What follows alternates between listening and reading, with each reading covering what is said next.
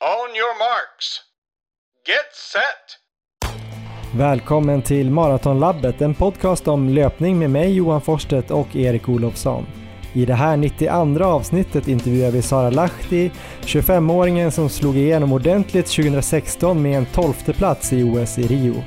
Efter några skadedrabbade säsonger är hon nu tillbaka och tävlar i halvmaraton-VM i helgen.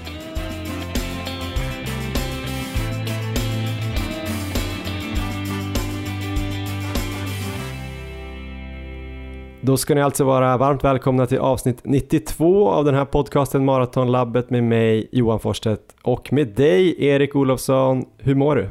Jag mår eh, ungefär som man gör sista veckan innan ett maraton så att det är ju det är ju upp och ner både mentalt och fysiskt hela tiden. Det var ju faktiskt min följdfråga här om du hade drabbats av det här taper madness, alltså galenskapen under formtoppningen. Du har ju bland annat blivit attackerad av en hund och eh, brutit tån här sen vi pratade sist. Ja, just det. Jo, men det har varit mycket sådana där incidenter. Um, hundattacken, den var egentligen ganska mild. Det var en väldigt glad hund som uh, ja, inte var kopplad, som kom springande mot mig. Och jag skulle bara vika av lite till vänster helt enkelt. Det var på min vanliga runda där runt Uppsala högar som jag kan ju, jag kan ju varje sten hela vägen där efter alla, alla rundor där. Men just den här gången då så får jag vika lite till vänster och drar foten så stenhårt in i en sten, ungefär som jag gjorde där i, när vi sprang upp i Helax om du kommer ihåg. Absolut. Svårt att glömma kanske. Um, så att det var ju... Han glider fram på ben, sen slår han foten i en sten. Eller jag kommer inte riktigt ihåg sången där men ja. jag kommer ihåg att du slog sönder både tår och tänder. Ja, den här gången klarade sig tänderna men eh, jag hade ju så pass ont att jag satt ju där på sidan sen och eh, förbannade mitt öde och insåg att det, det blir ingen mara. Ehm, sen så eh, kunde jag ändå ta mig hem springande så då fick jag lite förhoppningar. Ehm, senare på kvällen så hade jag så pass ont att jag knappt kunde gå och hela tån var ju nästan blå där. Men mm. Eh, på något magiskt sätt så släppte det sen till morgonen och då eh, klev jag upp och förväntade mig att eh, ha väldigt, väldigt ont. Men nej, det, det släppte, så att den gången kom jag undan. Men det är mycket sådana där incidenter. Jag var också och sprang runt de här två sjöarna där i Sundbyberg i Stockholm den här, de här två sjöarna som är eh, loppet helt enkelt två sjöar runt. Så jag hade en eh, trevlig distanstur där jag sprang tre varv runt där. Och den var väldigt trevlig fram till att jag kom ut på mitt tredje varv och då var det, låg det plötsligt en, jag tror det var en så här stor eh, samojed som låg mitt på där. Eh, stor vit och fluffig hund såg det ut som. Och sen så när jag nästan var framme vid den, då var det som att det vecklades ut en jättelång hals från samojeden. och då inser jag... Var Hannes Bjärnhagen? det var inte Hannes, det var däremot en gigantisk svan, det var så här drottningen av svanar tror jag, som låg där. Eh, och eh, gav mig ett riktigt så här eh, ont öga precis när jag skulle springa förbi och när jag precis ska passera så börjar den nafsa efter mig. Eh, mm. Och det kanske inte låter så läskigt här men jag har ett, eh, om jag går tillbaka till min barndom så kanske mitt tidigaste minne var när jag tror jag var två eller tre år och eh, befann mig på Öland tillsammans med eh, min familj. Och jag trodde att jag var äldre när det här minnet hände, men jag har insett när jag pratade med mina föräldrar att jag kan inte ha varit mer än två, tre. Och då var jag nere och skulle, ja, jag var nere vid strandkanten där och blev attackerad av en svan som kom springande mot mig. Väldigt traumatiskt, för det där har liksom satt sig i huvudet på mig tydligen. Och sen så nu här mitt i formtoppningen så blir jag svanattackerad igen. Men jag kom undan i alla fall, så att det, även där så gick det bra till slut. Men det har varit mycket sådana där saker. Det känns som att du har elementen och naturen och djurlivet emot dig här ja. inför söndag där du ska springa under 2.30. Verkligen, så uh, vi får se hur det går då. Jag har ju sprungit den där banan så pass många gånger att jag vet att det är varken mycket hundar eller svanar där i alla fall. Mm. Vi kommer prata lite mer om hur du mår och hur det har gått för dig här och hur du har tänkt att ladda upp inför söndag och taktik och sådär lite senare. Vi kommer också prata med en annan intressant löpare, inte bara med dig idag Erik, utan vi har pratat med Sara Lahti, alltså det här skånska underbarnet måste man ju nästan säga, som slog igenom ordentligt som 21-åring när hon kom 12 i OS på 10 000 och slog svenskt rekord eh, två gånger om. Eh, hon har ju varit skadad och haft problem eh, flera säsonger men är ju tillbaks på allvar nu med ett silver på SM på 10 000 och nu ska hon springa halvmaraton-VM i Polen på lördag. Det blev en eh, intressant intervju med Sara som kommer lite senare i programmet. Eh, nu tänkte vi först faktiskt dra några race reports eh, från vårt eget liv. Vi har ju sprungit en varsin tävling va? Det stämmer. Vi kanske ska börja med dig då så det blir kronologiskt. Det här var väl bara typ en dag efter vi spelade in sist så skulle du springa Upplands öppna DM på 10 000 meter. En tävling som jag då inte kom till start på för att jag kände mig lite tom på energi och sådär. Eh, men du åkte dit och det gick ju jäkligt bra. Berätta lite mer om det. Ja visst, det här var ju mm, fem dagar efter jag hade sprungit halvmaraton så det låg lite nära. Jag var osäker in i det sista själv också om jag skulle springa. Men det kändes ändå, jag körde ju bara lugn distans efter halvmaran och det kändes, benen kändes pigga på slutet så att då tänkte jag att jag startar i alla fall. Sen hade jag ju revansch att utkräva från sommar, sommarspelen var det inte, långlöparnas kväll när vi sprang där, och, men det kändes som att det var sommar. Det är därför jag blandar ihop det. Det var ju otroligt varmt och jag gick ju in i väggen totalt där och sprang väl i mål på höga 33. En fruktansvärd upplevelse var det, så att jag hade ju revansch på 10 000. Um, mitt pers var ju från DM 2019 när vi båda sprang samma lopp där i Uppsala. Just det. Och det var ju på 33-34.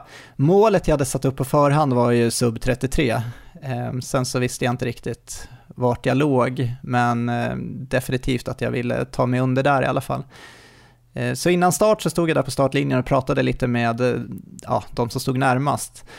Och eh, det var en kille som hette Patrik där, Patrik Jennings, som hade lite snabbare mål än mig. Han siktade kanske på 32,5 ungefär, men pratade om att gå ut i någon slags 3.17 tempo per kilometer, så det tänkte jag att det kan nog ändå vara ett ganska bra upplägg för mig. Så jag bestämde mig i alla fall för att försöka ta rygg där på honom och känna hur det skulle kännas. Så loppet drog igång och då hamnade, jag la mig bakom Patrik och Patrik hamnade bakom Tom Stevens. Eh, Tom är ju egentligen eh, så här snäppet vassare, han har ju sprungit eh, 2.21 på maraton tror jag, om inte ännu snabbare och är ju väldigt kapabel men han har ju haft en lite ja, tuffare säsonger med mycket sjukdomar och så, så att jag vet ju att han inte är i någon toppform nu men gillar ju ändå att tävla mycket och sådär så att vi la oss bakom honom i alla fall och eh, han låg väldigt stabilt där på 3.17 första kilometern. Kändes jättebra för mig. Andra kilometern också på 3.17, ehm, pulsen låg kanske på 170 så att jag fick en riktigt bra start. Det, var liksom, det kändes, det här är helt perfekt. Och då mm. kommer vi till, ett, eh, till en avgörande del i det här loppet eh, och vad som hände där. Och det var att då gick Patrik om i alla fall. Och där gör jag det väldigt stora misstaget då att jag hänger på Patrik. Jag tänker att ja, men det, här, det här känns bra, jag tar rygg på honom. Så vi går om Tom där och eh, jag känner att den här farten börjar nog gå lite för fort här. Nu ligger vi inte i 3.17 längre riktigt, men jag ligger kvar där i alla fall. Tredje kilometern 3.09 när jag, mm. när liksom klockan piper och pulsen är då uppe i 176 och där så inser jag ju att fan, jag, nu har jag bränt det här loppet. Det är några slag över anaerob tröskel eller? Ja det är det absolut. Och där vet jag att det, där kan jag inte ligga resten av loppet. Så, eh, och framförallt vet jag att nu kommer det inte bli någon trevlig upplevelse längre utan nu, nu kommer det bli fruktansvärt. Så där börjar jag släppa Patrik lite i alla fall. Um, och hamnar ju då själv, för Tom är ju en bit bakom oss nu då. Och eh, ja, kilometer 4 och 5 så springer jag egentligen bara med bryttankar och funderar på hur långt jag ska springa. Jag tänker att ja, men halvvägs får jag väl ta, men 5000 meter så kan jag ändå få en ganska bra tid där. Sen så kan jag kliva av. Så att eh, jag kämpar på i alla fall. Eh, fjärde och femte kilometern, då ligger jag ändå i så här 3.17, 3.18 så att jag håller liksom i även fast det är ju fruktansvärt. Det är ju eh, så väldigt jobbigt. Halvvägs blir det på 16-18 då på 5000 funderar på att kliva av, men jag fortsätter springa i alla fall. Så jag tog ett varv i taget lite grann, kämpade på där helt själv, kilometer för kilometer. Uh, höll i farten hyfsat även om jag kanske tappade ner mot eh, uh, 3.19 på några kilometer där. Sen så vid, uh, med två kilometer kvar, då går i alla fall Tom om mig för då har han kommit ikapp mig. Och jag försöker ta rygg på honom men han går snabbt där så att det, jag har liksom ingen chans att hänga på honom. Och med en kilometer kvar så vet jag väl själv att jag ligger nog ändå helt okej okay till för att kunna ta mig under 33 och då står ju Lorenzo Nesi där och ropar ut i alla fall när jag och Tom passerar, för Tom är lite före mig, där han ropar ut 29.40 på oss. Och då med lite snabb huvudräkning där så inser jag att, eh, ja, fixar jag 3.20 så har jag ju 33 då, så att mm. Det kändes inte som en så enkel grej att göra, men det kändes ändå som att sista kilometern brukar man ju ändå alltid kunna öka och liksom spurta.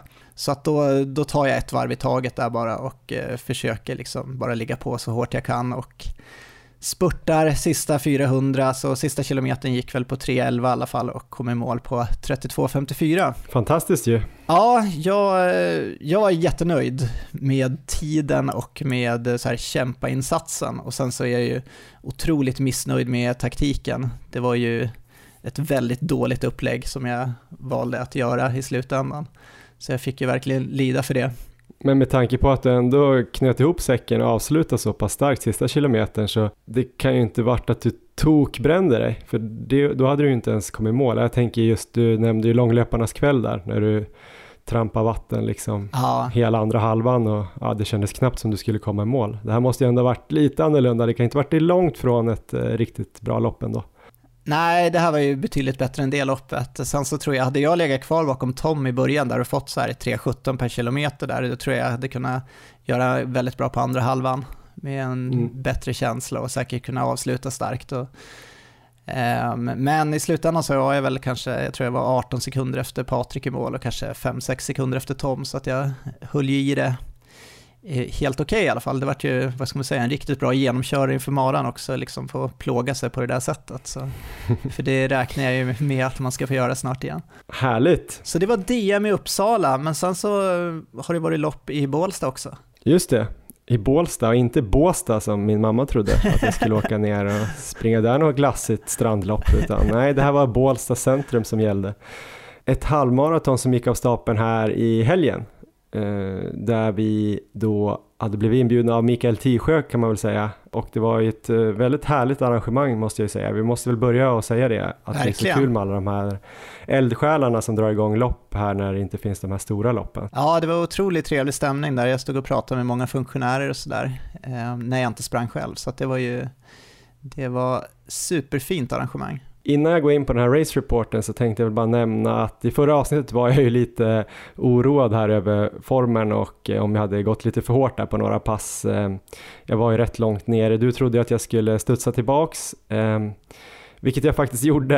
Eh, det kanske inte var så oväntat egentligen, men den här dagen när du sprang 10 000 på DM så ställde jag in min medverkan där, men jag stack ut och sprang 4 gånger 4 kilometer i marafart drog på mig eh, mina gamla Nike Vaporfly Next Percent, de gröna. Just det. Eh, och gjorde ett eh, toppenpass där. Eh, satt, eh, satt alla, alla intervallerna på exakt 3.55 fart och sådär och hade bra känsla. Så då kände jag ändå att eh, det kanske går att göra någonting bra här i Bålsta på halvmaraton. Så sen tränade jag mest jag drog faktiskt ner ganska mycket på träningen och körde en hyfsat okej okay formtoppning inför det här loppet.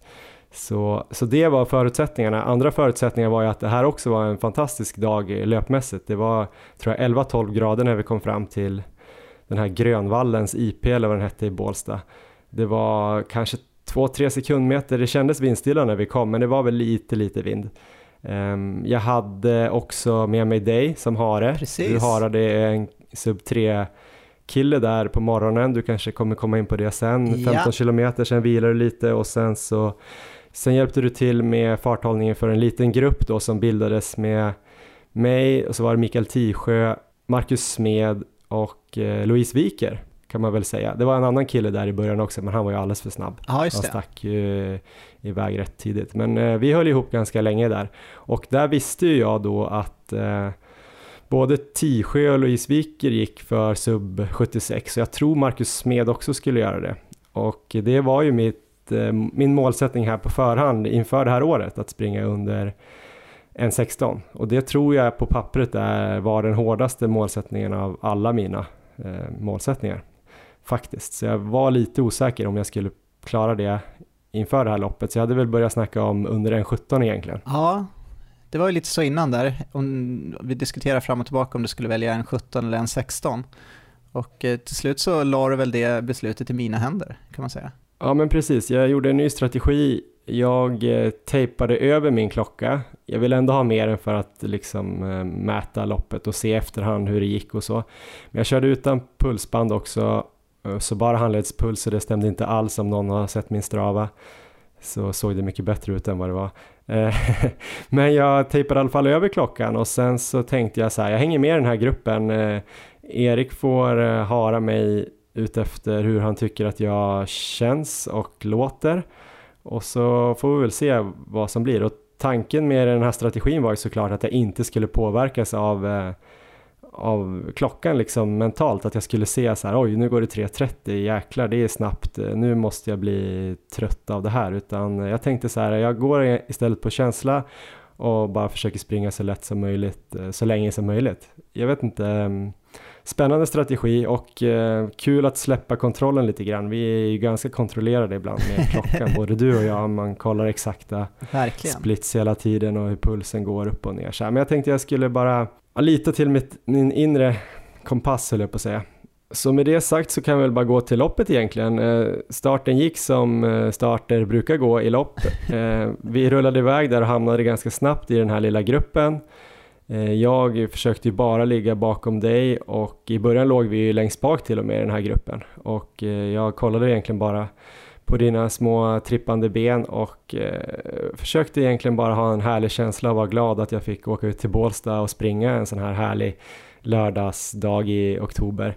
Ingenting mer med det. Jag tänkte så här, gud vilken bra strategi. Jag bryr mig inte om klockan, jag kollar inte på den. Och sen hörde jag Mikael Tisjö, en kilometer, 3.36. ja. Eh, sprang lite vidare, kändes jättebra. Mikael Tisjö, vi ligger jättebra i fart, 3.37 på andra. Och så där höll det på ganska länge, så jag vet inte om min strategi funkade så här asbra. Men eh, det, det hjälpte nog en del att eh, slippa springa och kolla på den liksom i varje backe och efter varje sväng och hit och dit. För jag hörde från dig sen att det hade wobblat lite på klockan, att det kanske var lite svårt att gå direkt efter klockan också. Så att, mm. eh, jag vet inte hur du kände? Jo, men så var det lite. Jag, I början var det ganska lätt för mig för att då, då låg jag bakom Tisjö och Louise där och eh, de sprang ju väldigt jämnt och bra så att det var liksom inga konstigheter där. Det fanns ingen anledning för mig att försöka eh, hålla farten själv där. Och det var ju precis som du sa, jag hade de tiderna också om det var kanske 35, 3.35, 3.36 så det var ju min plan på förhand också att jag skulle ju försöka eh, dra dig på 3.35, 3.36 där och eh, försöka komma in under 1.16 om det var möjligt, men även lyssna lite på din andning och försöka försöka fråga dig lite hur det kändes efter vägen. Jag försökte någon gång där att fråga hur du låg till på borgskalan, men du verkade inte förstå vad jag menade där, för du eh, svarade 8 tror jag, och det är ju så här eh, joggtempo. så det, det hoppas jag att du inte låg på, eller ja, det vore ju bra, men det var ju lite av ett skämt, men just då kändes det extremt bra, ja. måste jag säga. Jag kände mig väldigt, väldigt fräsch eh, första milen. Jag vet inte hur du upplevde det, men eh, för mig kändes det som, eh, det, borde, det ska göra kanske en halvmaraton eller kanske till och med lite för lugnt, jag vet inte. Vi passerar väl 10 kilometer enligt klockan, alltså då inte min klocka för det hade jag ingen koll på, men Mikael Tisjö ropade ju 36 blankt första milen. Så då visste jag att det hade gått lite fortare än vad jag kanske hade tänkt. För jag tänkte väl att 3.40 eh, hade varit en bra öppning mm. och om första milen hade kanske gått på 36.20, 36,5 så låg jag ju bra till för 1.17. Mm. Så nu låg vi då på 36 och då visste jag ju att vi ganska exakt gick mot um, eh, 16 då. Så det var en skön känsla ändå att jag kände mig så pass fräsch och någon gång där gjorde jag också något sorts vrål som du blev lite irriterad över att jag gjorde för du tyckte att jag inte du tyckte inte att jag sparade på energin, men det var egentligen bara ett så här glädjevrål. Det ah, var okay. inget sånt där gravidvrål, det var bara att det kändes så jäkla bra ah. faktiskt. Och jag försökte bara samla lite positiv energi där. Så där var jag nog som piggast eh, under hela loppet med tanke på hur långt vi hade sprungit jag vet inte, det finns inte så mycket mer att säga. Jag låg kvar där och eh, bara hängde med den här gruppen. Sen tror jag det var ungefär vid 12 kanske. Det var i alla fall när vi hade gått in på det tredje varvet. Det här var en varvbana med fyra varv plus en liten startloop i, i början då som var ungefär en kilometer. Men eh, när vi hade gått in där på tredje varvet då blev jag plötsligt lite trött. Det kan ha gått ungefär 12. Samtidigt så stack Mikael Tisjö iväg där, för han kändes ju riktigt lätt och det kändes ju som att han hade kapacitet för mer än vad jag hade. Och då hängde väl Marcus Smed på, Viker hade tappat tidigare. Men eh, det blev väl så här dubbelt då, att jag dels blev, var lite trött och dels gick de ifrån samtidigt, så det blev ju dubbelt jobbigt. Så det var första gången jag kände att, eh, att det här kanske kommer bli ganska jobbigt sista biten här och eh, det kom väldigt plötsligt. Jag försökte ju snacka med dig där också för att jag kände ju att det var en markant ökning som framförallt Tisjö la in där så att vi låg ju kvar i samma fart även fast vi tappade på dem då. Ehm, så jag försökte ju bara få dig att verkligen eh, känna det så att du inte liksom trodde själv att vi tappade fart. Så att vi, vi hamnade väl en bit efter Marcus där. Tisjö drog iväg rejält men Marcus var väl kanske en 15 meter bakom och sånt där. Ja, precis. Ja, men man såg ju att han inte riktigt eh, kom ikapp utan han hamnade någonstans mitt emellan. Sen la jag mig bara egentligen bakom dig. Det var ju någon eh, viadukt där man sprang ner och upp under någon, någon väg ganska nära centrum. Det var väl egentligen den enda backen på banan förutom någon så här lite slak mota då, så var det väl liksom en liten knix ner upp. Eh, efter den så kändes det som att det var lite lätt ut för en bit och då låg jag väl bara bakom dig och då kollade jag verkligen på dina sådana här lätta små ben som, som trippade på och försökte kanske öka min frekvens och springa lite mer avslappnat och efter ett tag, det kändes som det blev bättre faktiskt, att det funkade för jag kom in i det igen. Jag tror att eh, vi började väl ta in lite på Marcus där också. Ja, precis. Så vi nådde ju honom där längre bort och äh, men då kändes det riktigt bra. Och då kände jag så här, men nu, nu har vi kommit in, in, in i det igen och nu kanske det går att fixa en 16 och då sa du också någonting till mig typ, ja ah, det kan bli säsongens första smala mål som vi klarar eller något sånt där. Yes, och det var precis innan jag skulle kliva av där vid 15 kilometer va? Ja, precis. Så det, han blir så här, jag bara yes, kan vi? Så här, skitbra, jag ligger kvar. Fan vad kul att jag har chansen. För då frågar jag, har jag chansen? Du bara, ja absolut. Sen klev du av och jag bara wow, nej. det var faktiskt ganska skönt. Man märker ju hur stor skillnad det är att ha hare. Det känns som att det blivit ganska vanligt att folk harar varandra. Ja. Eh, jag vet inte hur många man hör som får någon egen hare. Jag har haft Kristoffer Lås ju förra året på Kungsholmen runt och jag har harat dig en bit här och där. Men det är ganska stor skillnad ändå, bara kunna ligga där bakom och bara fokusera på ja, springa avslappnat och sådär. Så när du gick av där så blev det ändå lite så här okej, okay, ska jag springa själv nu? Och då kom jag precis ikapp Marcus Smeden då. Så det kändes ändå bra, då la jag mig bakom honom. Och, eh, men ganska snabbt, han såg lite trött ut faktiskt. Så när vi kom upp i en liten backe där så tyckte jag att han tappade lite för mycket fart. Jag hade ju inte koll på klockan så jag tänkte så här, äh, jag, jag går förbi nu. Jag vill inte tappa det här bra läget. Så jag gick upp och drog. Han hakade sig i, lät ganska trött faktiskt, eh, flåsig. Jag antar att jag lät likadant, men man hör inte sig själv på samma sätt tycker jag. Nej. Så han låg i där bakom i ryggen och sen släppte han ju aldrig. Och eh, för jag var, kände bara så här, ah, men det är 100 meter till, sen kommer han ju släppa och jag tävlade absolut inte mot Marcus Smed, men ibland så får man ju liksom en eh, sån här positiv känsla av att man knäcker någon. Så jag tänkte så här, han kommer tappa snart och då kommer jag kunna trycka på ännu mer för jag kommer bli stärkt av det. Men eh, det hände ju inte, han hängde bara i och sen på samma ställe som varvet innan blev jag trött igen och han stack. Så det blev samma, samma känsla där och då blev jag lite låg. Så då, efter det var det mest ett krig in till mål ska jag säga. Jag kollade på min Strava sen de första då, jag sprang 15 kilometer och vi låg ju där eh, väldigt stabilt mellan 3.35 och 3.39 per kilometer. Det var ingen som Ehm, stack iväg längre än så. Hur var eh, tiderna från eh, 15 och in? Jag tog upp det nu faktiskt och det ser ut lite som min känsla var att eh, jag höll i det ganska bra där i två kilometer i alla fall efter du gick av så låg jag på 3.33 fart.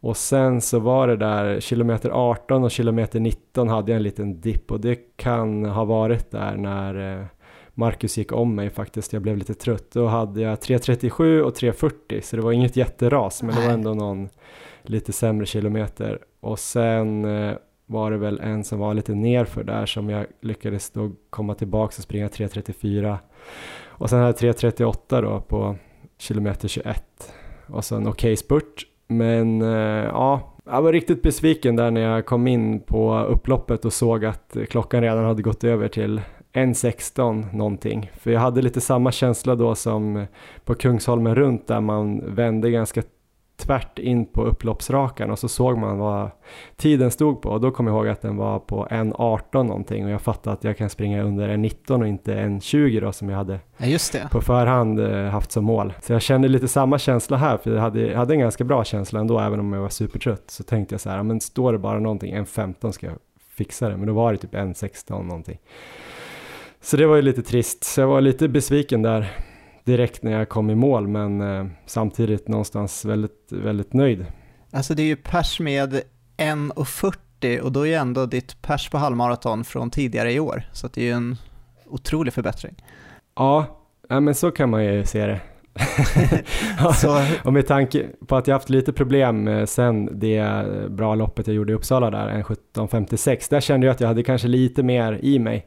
Så jag kände väl att jag skulle kunna göra något bättre här i höst, men jag hade ju lite problem där med hälsenorna i vår och eh, har inte tränat så mycket faktiskt i halvmarafart här sista tiden utan det har mest blivit maratonträning. Så jag tror uthålligheten har blivit bättre och den blir bättre och bättre. Men just att ligga där specifikt i 3.35, 3.36, alltså runt tröskel eh, så här eh, över en timme, det, där har jag nog eh, lite för få pass för att kunna komma under en 16 just nu, men jag är supernöjd. Ja, men det är något som jag är väldigt nöjd med är ju om vi jämför till exempel med 2018. Dels är din så här mentala, ditt mentala tänk innan loppen. För nu är det ju som att det känns som att du sätter upp så här väldigt höga mål och är övertygad om att fixa dem och sen så bara kliver in och levererar också. Ehm, jag tycker det var väldigt annorlunda då, 2018, för då tyckte jag att du satte ofta väldigt snälla mål. Ehm, gärna gav det någon extra minut där eller två i, mot, mot vad din kapacitet kändes som att den skulle vara i alla fall. Nu är det liksom tvärtom. Nu ligger, lägger du precis där du kanske har kapacitet eller nästan ännu lite högre och sen så bara går du ut och kör järnet och även målgångarna på slutet om vi tar här och på långlöparnas kväll till exempel. Nu ligger du verkligen helt förstörd på marken och eh, är knappt kontaktbar. Det är underbart att se. Så det... det kanske bara är teater Erik? Ja, men jag tror För inte att det. du är där och kollar att du ska bli glad? Kanske, men det funkar.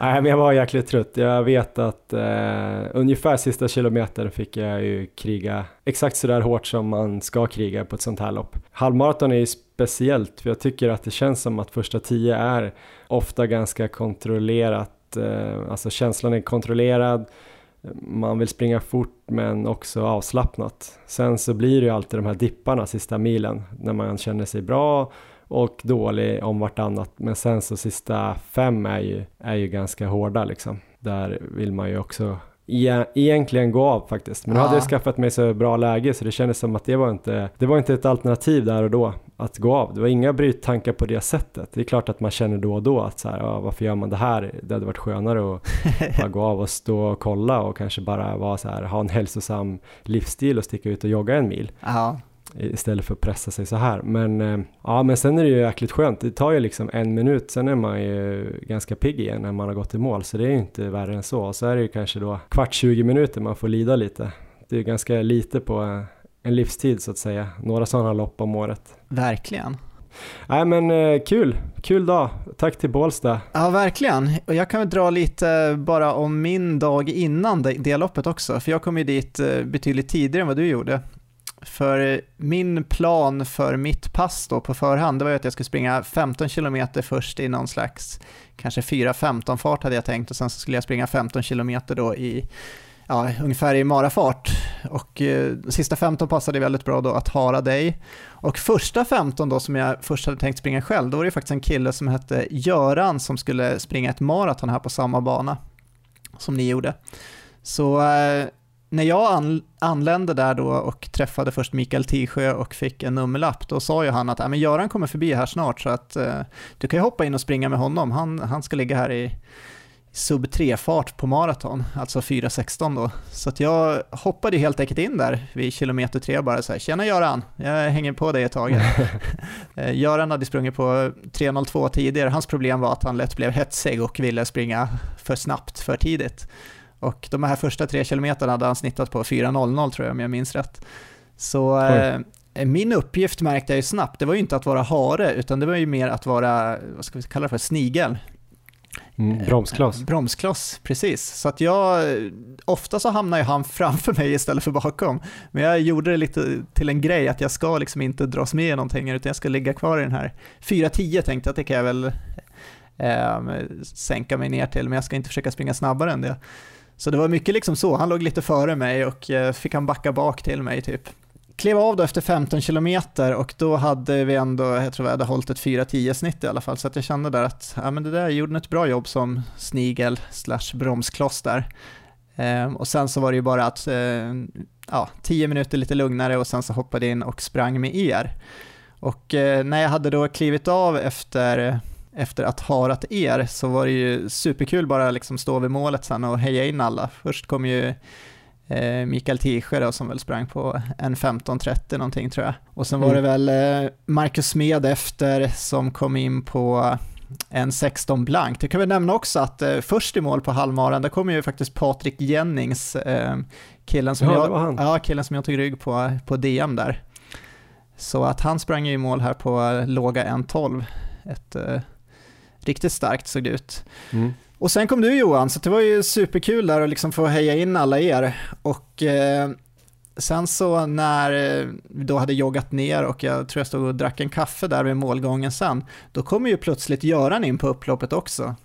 Och sprungit, sprungit med kramp sista sju kilometerna, men trots det så springer han in på 2.55 och fixar sub 3 och eh, överlycklig in i mål där, liksom ligger ner och bara säger så här äntligen typ. Det var, nej, det var härligt, det var liksom så här riktigt rolig upplevelse att liksom hjälpa andra. Det är ju såklart att, eh, alltså ni springer ju själva, det är liksom inte att jag det är på något sätt uh, hjälper den prestationen, men ändå att man är med och bidrar på något sätt. Det är en eh, mm. väldigt speciell upplevelse, så jag förstår ju de som ställer upp och harar mycket, som till exempel då, ja, Kristoffer Lås är ju hare ofta till andra och eh, du har ju varit hare både till mig och till Manne och Stockholm halvmaraton var du ju hare på så det kan väl rekommenderas till alla som har möjlighet att eh, det är kul både som hare och snigel också. Det är väldigt skönt att eh, uppleva den här glädjen ju. Ja, verkligen. Fast man själv eh, har det ganska behagligt. Det är väl det också. Ja, det är, det rätt är skönt sant. att eh, man själv inte behöver vara sådär trött men man får ändå känna lite av den här glädjen att man, någon persar. Ja. En grej till innan vi ska gå vidare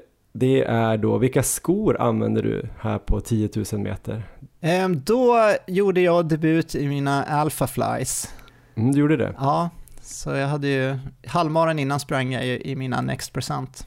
Mm, Vaporfly. Ja, precis. Vad tyckte du om dem då? Eh, alltså det, jag tycker det är så svårbedömt vilka som eh, passar mig bäst. Jag tänker då framåt min mara, så jag har det är ju bara, jag har mycket ångest inför det här loppet på många sätt och skoångesten finns ju där vilka jag ska välja. Och jag vart väl inte klokare egentligen efter DM där, de kändes, de känns bra, men sen så vet jag inte om de liksom känns bättre eller är snabbare än eh, Vaporfly och jag vet inte just på maraton heller.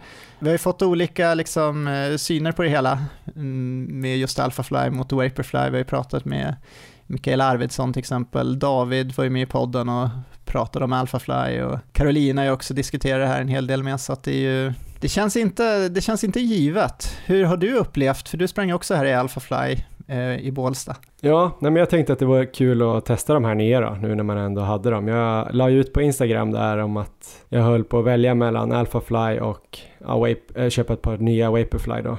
Eh, fick in ganska mycket intressanta svar på det det slutade ju med att jag behöll båda paren faktiskt. Eh, så jag kan väl också säga att jag är lite kluven.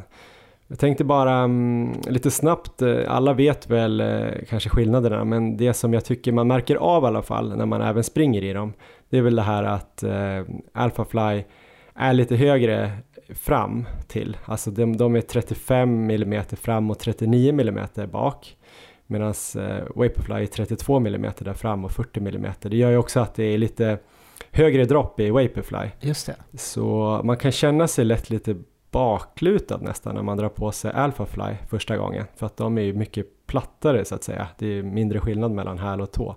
Det tror jag är något som påverkar känslan för många beroende lite på hur man springer. Eh, det är ju mer skum i Alphafly och de här luftkuddarna. Så de ska ju ge tillbaks mer energi Alltså de ska ge tillbaks 90% av energin säger de som man lägger ner i, i steget istället för 80% på Vaporfly. Och Alphafly är lite tyngre då å andra sidan. Alltså jag tror de är 210 gram istället för 190 gram.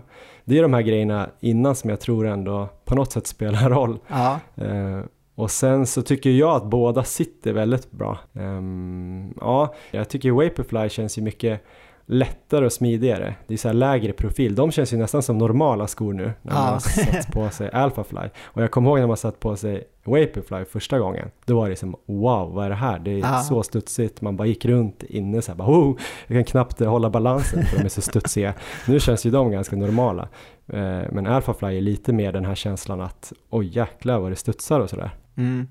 Det är spännande för när man sen springer i de här eller får in rapporter så verkar det ju som att, eh, att folk egentligen tycker att eh, ja, de är ungefär lika bra men de passar kanske olika bra för olika löpare och sen kanske att de till och med kanske passar olika bra för olika distanser. Ja, precis. Så jag vet inte om vi har avgjort vilka som är bäst. Det är ju kanske lite mer studs i Alphafly men de är ju å andra sidan lite tyngre.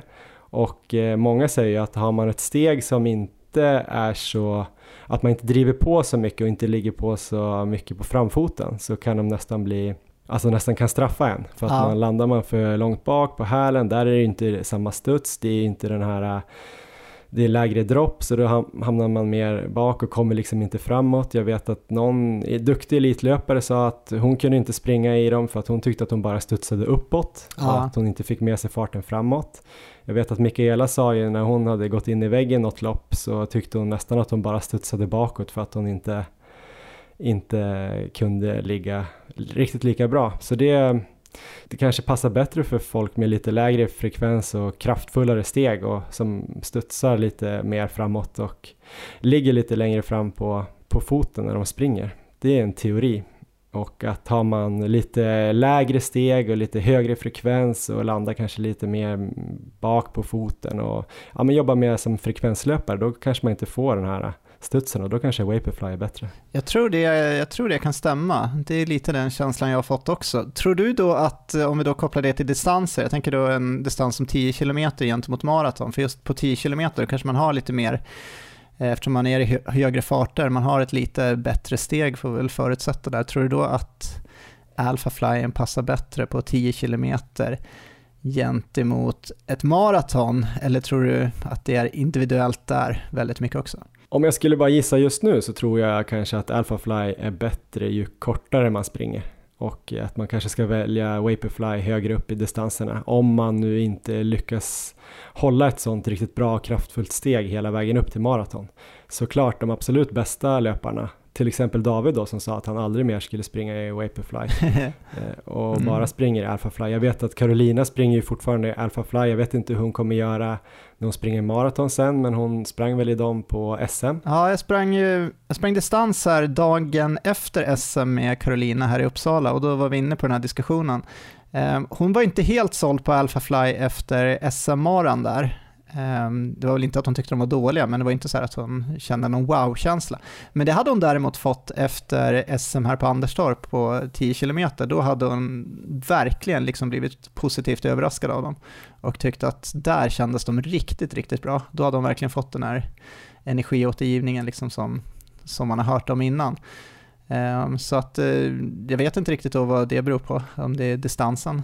Ja, men jag antar att hon eh, kanske tryckte på lite grann. Man har ju ofta ett, ett längre steg och mer kraftfullt steg ju kortare det blir. Så att eh, ja, men det kanske är en, eh, en sko för 10 kilometer och så kanske upp då till halvmaraton om man kan driva på och komma upp i de farterna.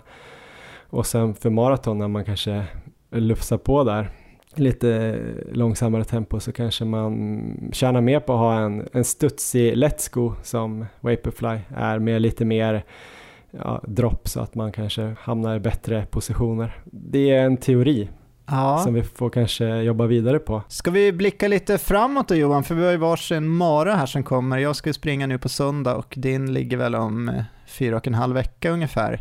Vad lutar det åt för val nu för dig? Vilka skor kommer du köra med? Alltså just nu om jag skulle välja, då kanske jag ändå skulle gå på Vaporfly då eftersom jag måste väl ändå väga in allt det här jag har hört och det jag har känt lite grann.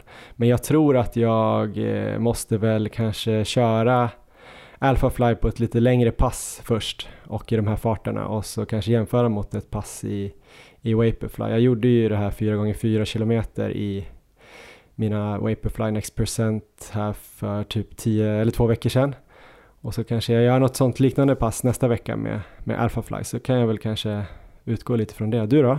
Eh, jag har väldigt ångest inför det här. Jag har inte bestämt mig än, men det lutar åt Vaporfly just nu.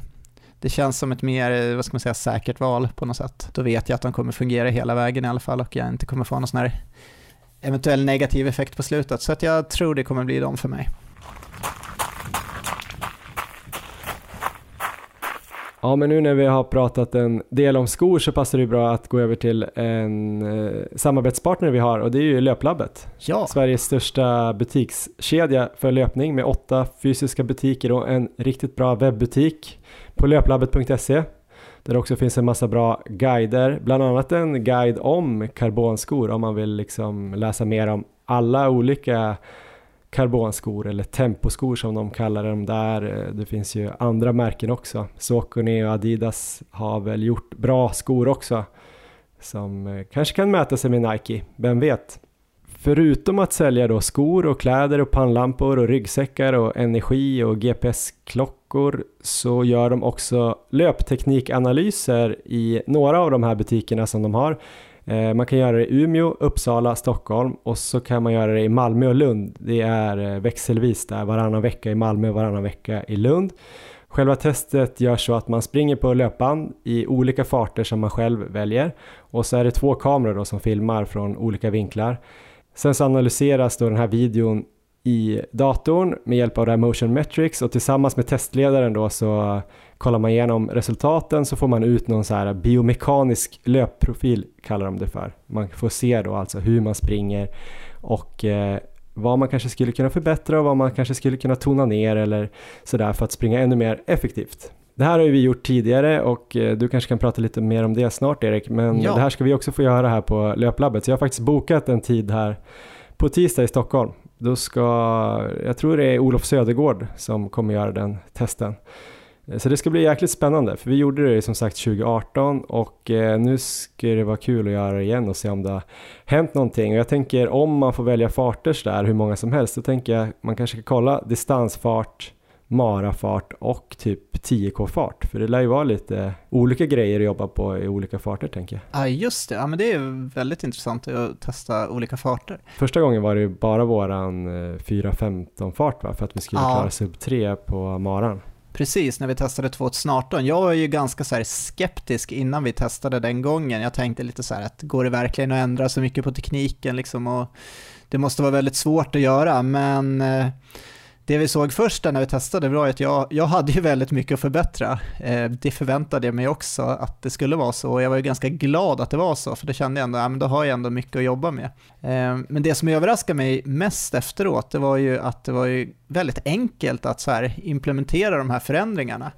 Eh, för på distanspassen sen så har man ju väldigt mycket tid på sig att tänka liksom och ja, då och då bara liksom jobba på de här bitarna. Man kanske fick tips om att komma fram med höften och eh, armföring och sådana delar. Och eh, det där har gjort väldigt stor skillnad för mig. Jag skulle nog tro att eh, de förbättringar jag har gjort under de här åren sedan 2018, det här är nog den största enskilda faktorn som har bidragit. Eh, självklart krävs det ju träning i kombination med förändrad teknik. Det går inte bara att köra teknikträning och tro att man ska bli bättre, men jag kan liksom inte komma på någonting annat som jag tycker har varit lika viktigt som eh, de här tekniska förändringarna för mig, oavsett om vi pratar om liksom skor då, eller energiplan eller VO2 max-test eller sådana saker.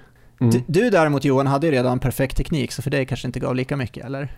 Jo, men jag hade nog lite detaljer att slipa på också. Kanske inte lika tydligt som du, men eh, bland annat att jag skulle tona ner mitt steg för att jag hade ganska hög skaderisk när jag sprang som jag sprang. Så jag har också plockat upp saker från det här tror jag. Ja, men det ska bli spännande att få prova igen nu och se. Jag känner ju själv att det har blivit bättre i alla fall, så att vi får se. Vi får se vad de säger på löplabbet. Om det här låter intressant så gå in på löplabbet.se, klicka där på tidsbokning och sen så klickar ni vidare och eh, bokar en tid i er butik. Eh, jag tror det kommer vara spännande. Vi är också sponsrade av Urbanista, det svenska företaget som gör hörlurar och högtalare. De firar faktiskt 10-årsjubileum i år, så de borde ju faktiskt veta vad de sysslar med vid det här laget. Bland annat gör de ju den här grymma sporthörluren som vi gillar Erik, Urbanista Athens. Verkligen. Jag har faktiskt sprungit med den eh, ganska mycket den här veckan. Eh, alla mina distanspass hittills sen eh, Bålsta halvmaraton har jag haft dem och jag har sprungit runt och känt mig som en så här hård, cool boxare som håller på att träna för något stort, någon stor titelfight faktiskt. Det är någonting med, med bra musik när man springer som gör att man blir lite mer taggad. Så det har varit riktigt bra. Ja, de sitter ju otroligt bekvämt. De, eh, jag har ju upplevt förut kanske att det lurar jag har haft lätt har ramlat ur när man börjar svettas och så, men det har jag aldrig känt med de här. Ehm, sen så ljudet är ju fenomenalt bra också. Jag upplever att det liksom stänger ute allt annat ljud när man springer. Så det är inte så här, även om man springer vid vägar och det är ganska mycket trafik och sådär så, så är det sjukt bra ljud. Så jag är supernöjd. Det kanske är lite farligt för dig om du inte hör så här äh, hundar och svanar och sånt där. som när du är ute och springer med lurarna så kommer de att attackera, de smyger fram och biter dig i, i benen. Hur låter en svan Johan? Ja, tack. Då vet jag. Ja, nej men de här uh, lurarna är ju helt trådlösa då, alltså true wireless. Um, det är åtta timmars batteritid i själva lurarna om man har laddat dem. Men sen är de ju också, de ligger i ett case och i caset uh, kan man ju ha tre laddningar till. Så man behöver inte ha någon sladd med sig om man åker iväg då till någonstans där man ska springa kortare än 32 timmar egentligen. Lurarna är vattentäta, det är IP67 tror jag det heter. De tål både regn, svett och eh, det går att duscha med dem efteråt också om man får feeling. Om man är, kommer hem mitt i en bra låt så kan man ju bara ta dem i duschen. Jag har inte provat det än, men jag kanske borde göra det. Ja. Det viktigaste är väl dock att de sitter så här bra som du sa, har bra ljud. Eh, fram till den 14 november är det 20% rabatt på de här lurarna om man går in på Urbanistas hemsida och då ska man använda koden Maratonlabbet. Nu har vi kommit fram till en väldigt spännande punkt i det här avsnittet Erik. Det är alltså en intervju med Sara Lahti. Innan vi drar igång intervjun så ska jag bara berätta då att hon har då svenskt rekord på halvmaraton, 1.09.58 eh, på 5 km landsväg, det är 15.38. Hon var ju också den svenska som slog det här jättegamla svenska rekordet på 10 000 meter som Midde Hamrin hade.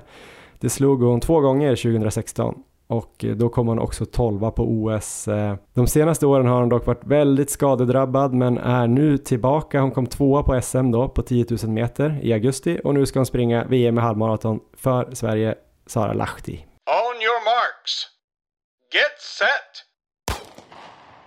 Ja, då får vi välkomna Sara Lahti till eh, Maratonlabbet. Hej! Hej! Hej, hej! Vad kul att ha dig med. Berätta först, eh, vart är du och varför då? Eh, ja, jag befinner mig just nu i Sankt Moritz på träningsläger eh, inför eh, VM i Polen nästa vecka.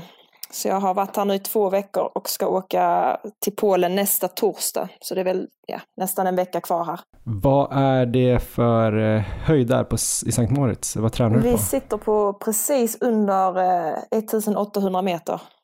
Så det är väl ganska perfekt. Man kan köra en liksom hyfsat bra kvalitetspass här. Så det är inte så högt som i Kenya som är 2400. Ja, just det. Hur ser upplägget ut då när du är på sånt där höghöjdsläger? Tränar du och bor på samma höjd eller skiftar du lite fram och tillbaks från olika pass och så? Nej, ja, nej. Det, mesta kör vi faktiskt på samma höjd. Så vi bor här uppe och så kör vi i princip nästan alla pass. Vi har varit nere i eh, Italien. Det är ungefär 400 meter över havet så det är väl egentligen ingen hög höjd alls.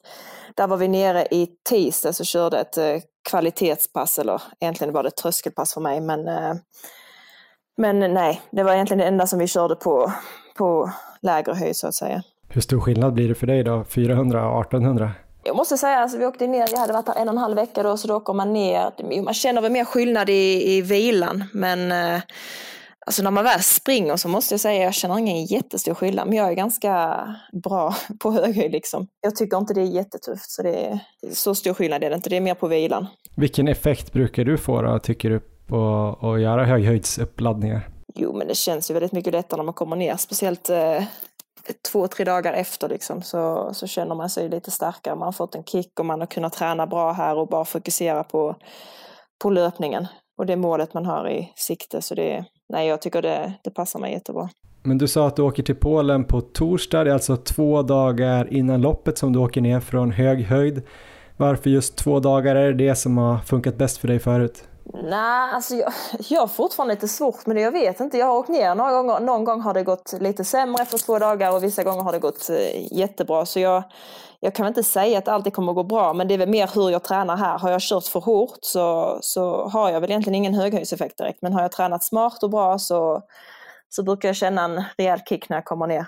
Vi kanske ska börja där ändå, för det är därför du är aktuell nu, att du blev uttagen till halvmaraton-VM här i Polen. Så kommer vi komma tillbaks till lite så här bakgrundsgrejer och massa intressanta frågor. Eller frågorna vet jag inte om de är intressanta, men svaren hoppas jag är jätteintressanta.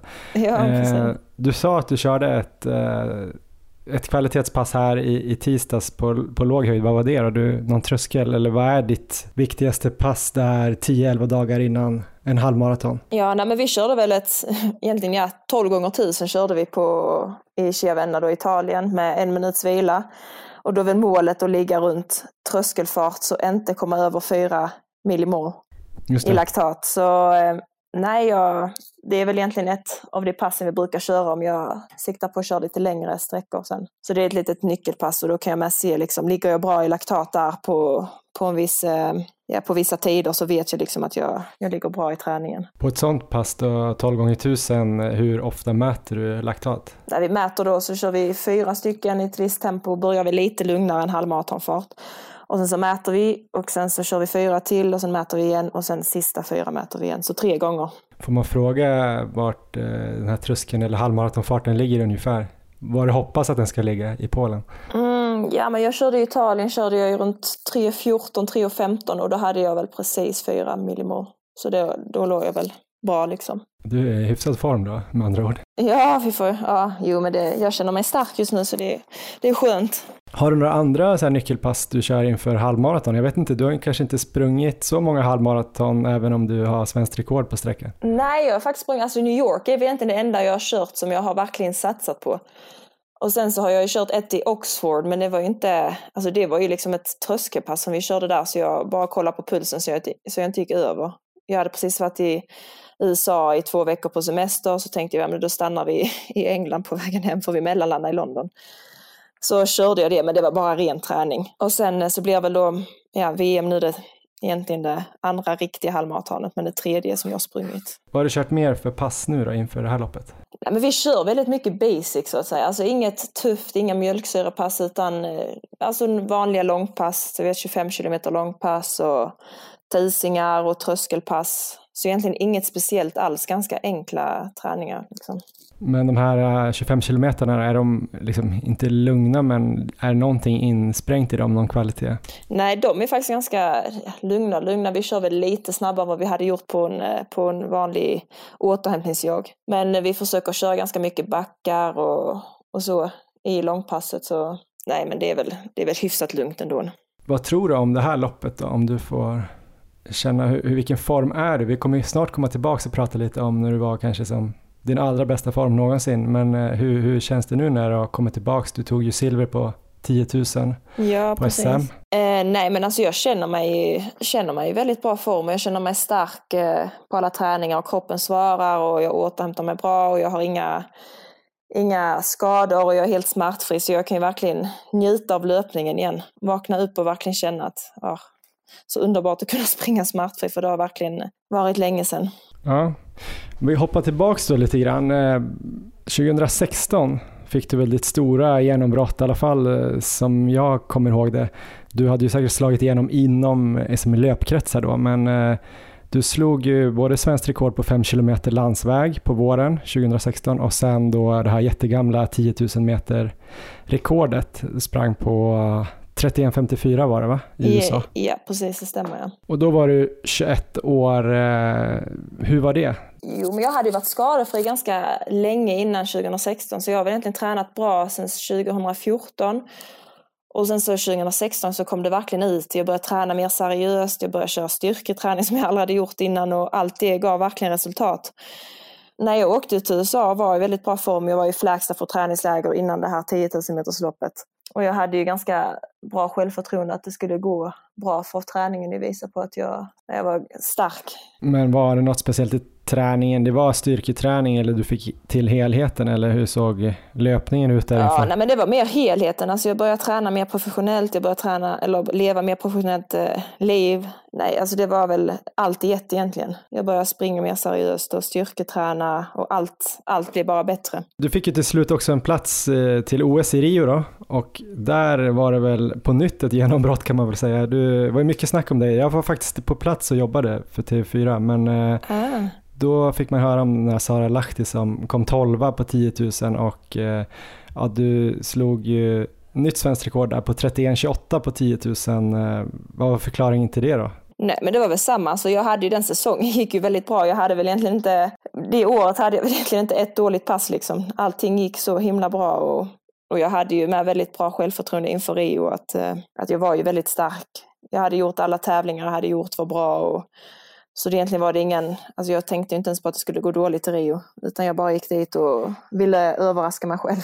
Då var du alltså 21. Eh, hur bra trodde du att du skulle kunna bli då? Fanns det några mentala gränser då som 21-åring? Nej, men jag tänkte ju bara att det här kommer ju bara gå vidare, jag kommer ju bli bättre och bättre varje år, men jag vet ju att det inte funkar så. Men jag hade väl ingen, men, nej, jag hade väl ingen mental spärr egentligen, utan jag bara, jag tänkte väl att jag kunde, jag siktade väl på medaljer liksom, inte på OS direkt, men på EM och och kunna placera mig bra på ett OS. Sen eh, i mars 2017 nästa år så sprang du ditt första halvmaraton som jag förstår det och nu sa du också att det är det enda du har satsat eh, på riktigt förut. Det var i New York. Då kom du in, du var ju första svenska kvinnan att springa sub 1.10. Ja, du sprang stämmer. in på 1.09.58 som fortfarande faktiskt är svenskt rekord. Mm. Berätta om det loppet då. Var det en överraskning att det skulle gå så bra på den distansen också? Mm, nej, men jag tror jag är mer gjord för, för halvmaraton, maraton måste jag säga. Eh, mer för de längre distanserna. Men eh, nej, jag var faktiskt lite nervös i New York för jag hade haft en stressfraktur i höften eller ryggen, jag kommer inte ihåg vad det var. Men någonstans där och jag hade egentligen bara tränat sex veckor inför, inför New York så det var lite, jag var lite osäker, det hade gått lite tungt veckorna innan så jag åkte dit och var faktiskt ganska nervös. Jag tänkte, oh, jag vet inte riktigt om det här kommer att gå vägen. Men eh, jag startade och det kändes väldigt bra från start och sen så visste jag egentligen inte riktigt var jag låg tidsmässigt utan jag sprang ju först i Central Park de första 10 kilometerna. Och de är ganska svårsprungna, mycket backar och, och så, så vi passerade väl 10 kilometer på, kommer inte ihåg, men det var i alla fall att jag sprang negativt split så jag, sista 10 kilometerna gick ju snabbare vad de, vad de första gjorde i alla fall. Hur hade du förberett dig då? Är det på liknande sätt som nu eller har du lärt dig mer om halvmaraton nu? Nej, men ganska liknande. Vi var i Kenya då faktiskt i tre veckor innan, eh, innan New York. Men eh, upplägget ser vi ganska, ja, nej det, det är ingen stor skillnad egentligen. Jag såg också någon bild därifrån som jag hittade. Det ser ut som att du sprang i långa tights, eller i alla fall knälånga tights och en jacka och lite sådär. Det kändes inte som det var optimal temperatur heller. Jag hade du kunnat Nej. gjort ännu mer tror du om det hade varit riktigt bra väder. Jo, men jag tror väl nu att jag hade, ja, ja det tror jag väl. Det tror jag, men nej det var väldigt kallt där. Det var ju, vad var det? Vi sprang sju på morgonen, det var minus tre grader. Alltså nej, det var ju iskallt så jag hade inte... Många sprang ju i shorts och sporttopp och sånt, men jag hade aldrig kunnat göra det. Jag hade fått kramp i armar och ben och allt, så jag valde att springa i trekvarts tights och långärmad. Men hur rankar du de här svenska rekorden som du har? Du har ju 5 kilometer landsväg då, 15.38 och så det här på 1.09.58. Så här efterhand, eh, fattade du att det var bra då eller fattar du ännu mer nu att det var bra? Nej, jag förstår väl att det är bra nu med, men jag, jag vill ju springa snabbare. Jag är inte nöjd med 1.09.58. Jag vill ju ner mot eh, under 1.09 i alla fall i framtiden. Eller kallar kanske till och med snabbare. Så. Men det är ju alltid kul att slå ett svenskt rekord så jag är ju väldigt nöjd med det. Men man vill ju alltid mer. Och lyckas du som på träning där och ligga i 3.14, 3.15 eller vad du sa, då, då kommer du under 1.09 i alla fall. Ja, precis. Sen ska man alltid göra det i loppet med. Jag menar, det, vissa är det ju ganska backigt. Nu körde jag på bana.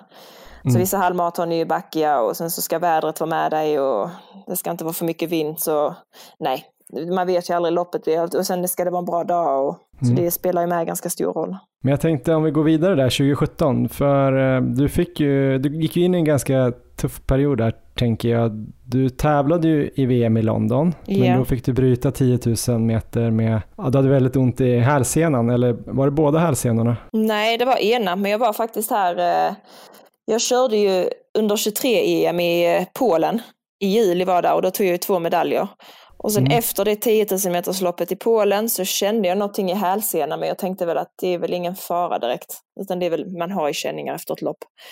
Och sen så åkte jag tillbaka här till Sankt Moritz, så, så kom jag hit och sen vet jag att jag skulle köra första joggen efter eh, vi hade landat liksom och då var det bara, jag kunde ju knappt ta ett steg.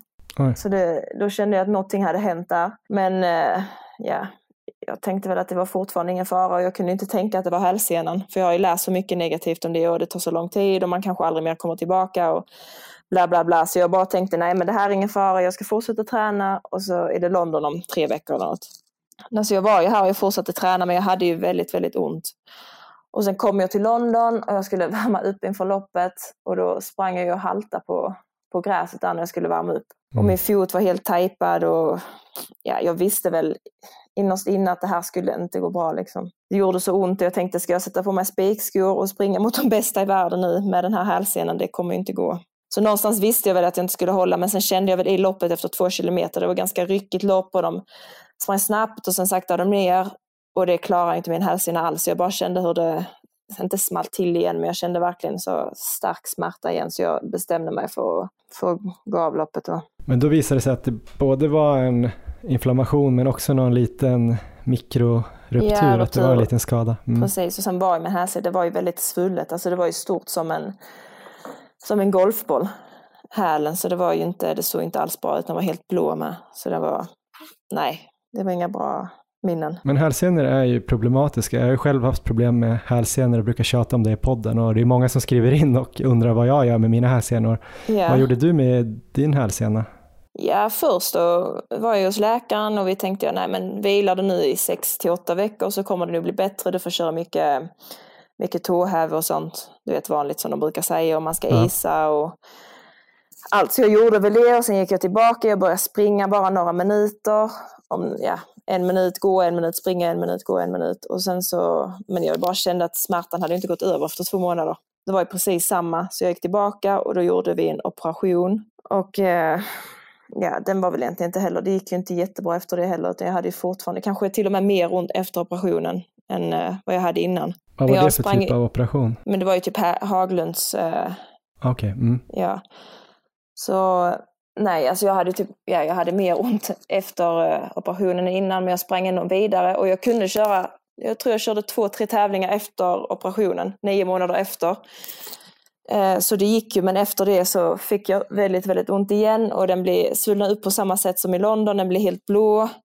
Och alltså det smärtade så mycket så jag kunde inte ens gå upp från sängen på, på, på morgnarna. Så jag bara haltade mig fram och fick hoppa på ett ben. Så då bestämde vi oss för att göra en ny MRI.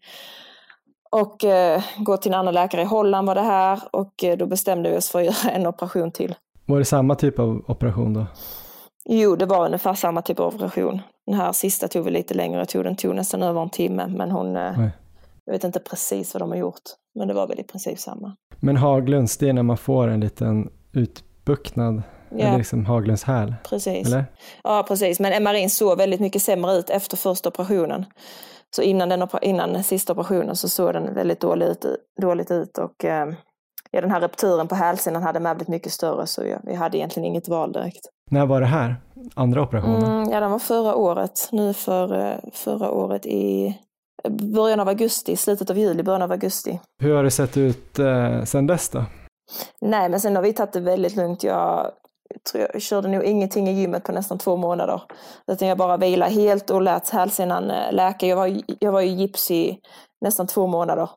I åtta veckor. Eller jag var i gips i fyra, sen var jag i en sån sko i fyra. Och sen, eh, ja, sen började jag väl springa i december på Alter G.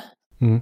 Ehm, och sen, ehm, ja, sen tog det till ungefär slutet av februari innan jag började springa på, på gräset i Sydafrika och åkte till att, att börja. Och sen dess har det funkat bra med hälsenan? Ja, så jag har inte, känner inte ens av det. Vad Så det är helt fantastiskt. Ja.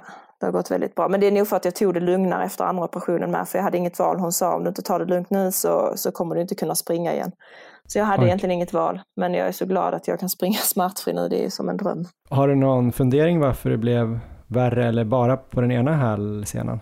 Nej, jag vet. Alltså jag kanske har överbelastat en sida mer. Och du vet, man springer ju lite annorlunda. Och Mm. Jag vet faktiskt inte direkt varför det blev på den högra, men jag har mycket, mycket skador på den högra sidan. Om jag får en stressfraktur är det oftast på högra sidan och, och smärta också, också på högra sidan. Så jag vet inte, det är väl min svaga sida helt enkelt.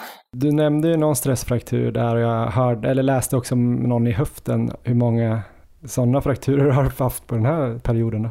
Nej, efter första operationen hade jag en stressfraktur i Ja, det var i ryggen tror jag, men det var ren överbelastning. Det var ju för att jag sprang inte rätt. Jag hade ju fortfarande ont i hälsen, så jag mm. belastade min vänstra sida väldigt mycket och då fick jag en stressfraktur där. Och sen har jag haft en i höften. Det var väl innan, innan eh, New York då, halvmaraton. Och sen så för fem år sedan hade jag en i foten. Så det är väl de jag har haft. Vad har du lärt dig av eh, de här, den här skadeperioden då? Nej, men ta det lugnt och inte rädd att lägga in en vilodag eller lägga in ett alternativt pass om du känner att eh, kroppen är trött. Och, ja, men jag har verkligen lärt mig att lyssna på kroppen. Att inte gå över gränsen hela tiden, för jag vet att du blir inte bättre av att bara köra mer, utan du måste verkligen tänka på att återhämta dig och vila. Det är lika viktigt som att träna. Mm. Mentalt då, hur har du gjort för att ta dig igenom det här? Du är ju fortfarande liksom ung och lovande måste man ju säga. Du är ju bara 25, det känns som att du har varit med ja, med länge liksom. Men uh, mentalt hur har du tagit igenom den här perioden? Nej, det var väldigt tufft. Alltså, när jag fick ont i hälsenan för första gången så då tyckte jag väl det var helt okej. Okay. Då var jag väldigt motiverad och jag gick till gymmet två gånger om dagen och jag körde crosstrainer. Ja, två, tre timmar om dagen och styrketräning. Men jag tror att det blev, det blev alldeles för mycket. Så det var mm. ganska mentalt utmattande med för att sen få ont igen i hälsenan och börja om igen. Så då tänkte jag, nej men jag måste göra något annat. Alltså, att jag måste ta det lugnare. Så då bestämde jag mig för att, för att ta två, två månaders helt vila förra året. Då. Men det hjälpte mig mentalt med. Då kunde jag göra andra saker som vanliga personer gör. Liksom. Den här gången nu då när du skulle komma tillbaka efter den här helvilan, hur mycket har du känt att du har liksom tappat på de här skadeperioderna? Ja, men jag tränar upp mig väldigt snabbt så jag tror väl det är kanske mm. lite av min talang. Så är jag skadad så så brukar det ta någon månad men sen brukar jag känna mig ganska, ganska stark igen faktiskt. Sen tar det såklart längre tid för att komma upp i en toppform eller prestera på topp men till att kännas hyfsat på ett intervallpass det tar väl ungefär fyra till sex veckor. Ja, jag kommer tillbaka så många gånger nu från skador så man vet ju ungefär vad man ska göra för att komma tillbaka. Men har du lagt in något så speciellt, något tänk eller någon struktur i, liksom i träningen eller upplägget för att, eh, alltså har du blivit bättre på att känna efter eller lägga in vilodagar just för att slippa det här i framtiden? Eller har du något sånt där som du kan tipsa oss andra? Jo, men det är väl mer, jag har börjat, jag kör ju nu i alla fall minst tre gånger i veckan alternativt istället för att köra två. Okay. Ja, springa två gånger om dagen. Så kör jag det och sen så, nej men bara att känner jag mig trött då, då vilar jag och det är inte hela världen. Det trodde jag innan mm. men, eh, men nu så, nej men det är nog mer att jag har lärt mig att lyssna på kroppen och jag vet vad den klarar av och, och så.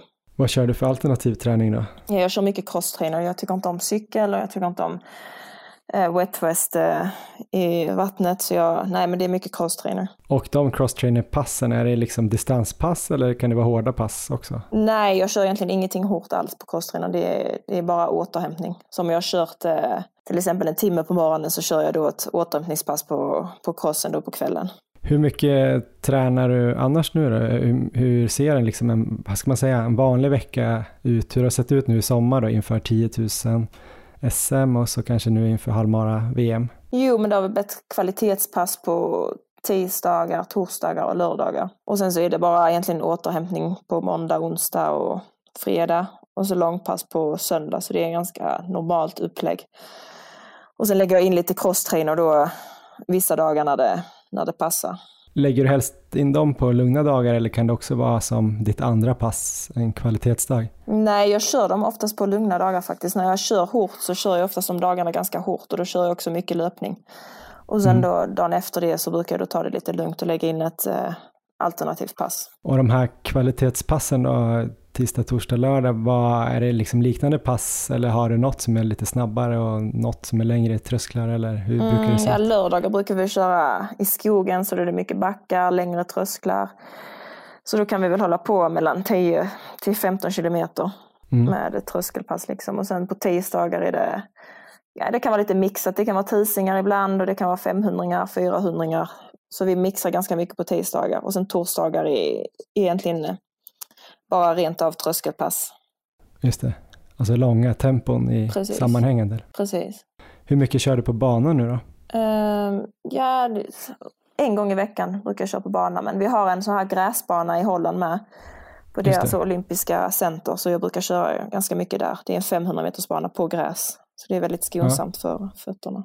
Hur ser eh, då veckovolymen löpning ut jämfört med tidigare och hur mycket tränar du nu löpning? Uh, ja, om vi säger jag låg på, innan jag blev skadad i hälsenan så låg jag mellan 14 till 16 mil i veckan.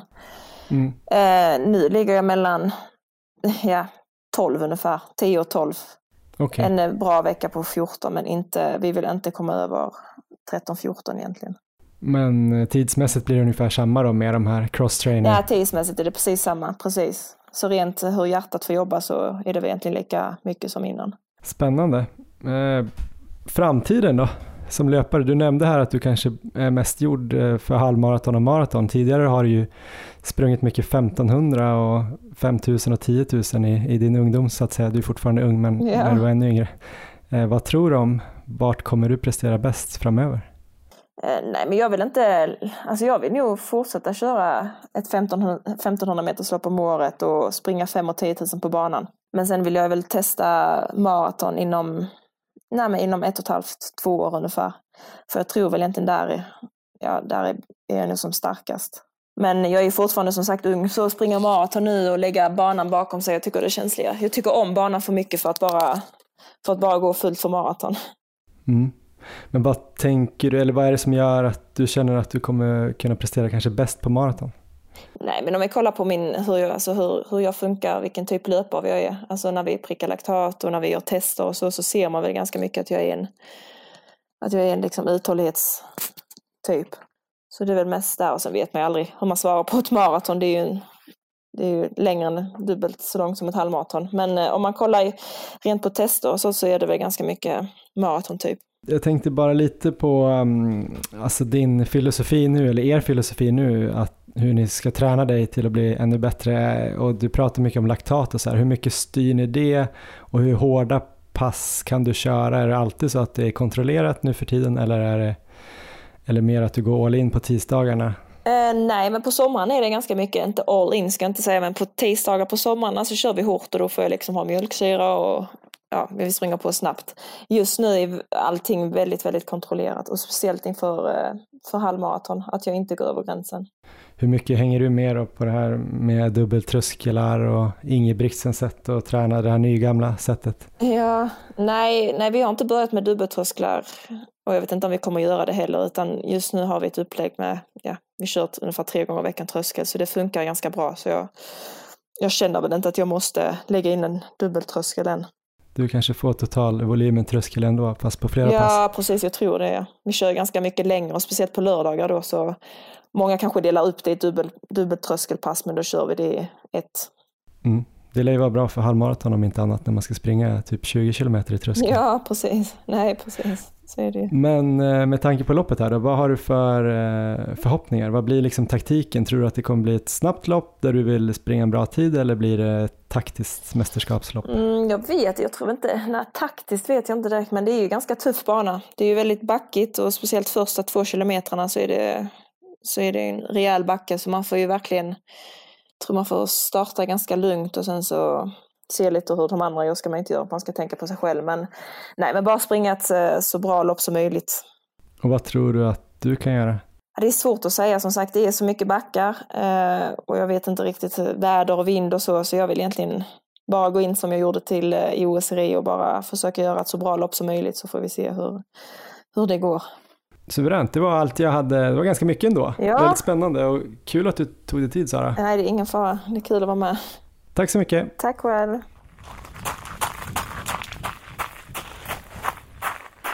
Det där var alltså Sara Lahti. Jäkligt kul att få höra mer om henne och hennes träning och också kul att få höra lite skånska i podden Erik. Det var jättekul och väldigt lärorik intervju måste jag säga. Var det någonting som du eh, tar med dig därifrån? Mycket. Eh, om vi börjar med hög höjd. Det är lite intressant för att ungefär kanske den här tiden, kanske lite senare, innan coronan kom, då hade vi planerat att åka på höghöjdsläger. Det kanske kommer någon gång i framtiden och nu fick vi lite bra tips där tycker jag ändå. Eh, jag tycker det är intressant att hon upplever liksom nästan ingen skillnad när hon åker ner och tränar på låg höjd gentemot hög höjd. För det har man ju ändå hört att eh, ändå väldigt vanligt att eh, åka ner och köra på låg höjd. Jag tror Sondre gör väl det en hel del när han är sestriär där. Att han kör kvalitetspassen. Och kör de hårda passen på låg höjd. Ja, mm. nu gjorde i och för sig Sara det på det här passet också, men det lät ju ändå som att hon kör en hel del också kvar då på hög höjd.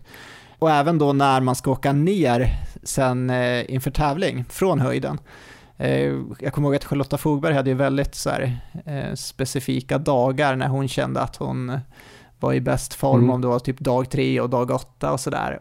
Eh, men det verkar ändå som att två, tre dagar innan tävling verkar vara när många väljer att åka ner. Så att om man då, som oss då, kanske ska iväg första gången på höjd och eh, sen ska åka ner till tävling, då kan ju det vara någon bra riktlinje att ha. Ja, jag tror man får läsa på ordentligt om det där, men det ska ju vara ganska individuellt. Vissa åker ju faktiskt bara direkt också. Just det. det tycker de att det är det bästa. För man brukar ha någon dålig dag där första veckan. Och man vill ju inte komma hem och pricka den dåliga dagen för då kanske man till och med är sämre än vad man var innan man åkte på lägret och det är ju lite trist om man Speciellt om man har suttit i Sankt Moritz, där det är ganska dyrt känner jag, i Schweiz.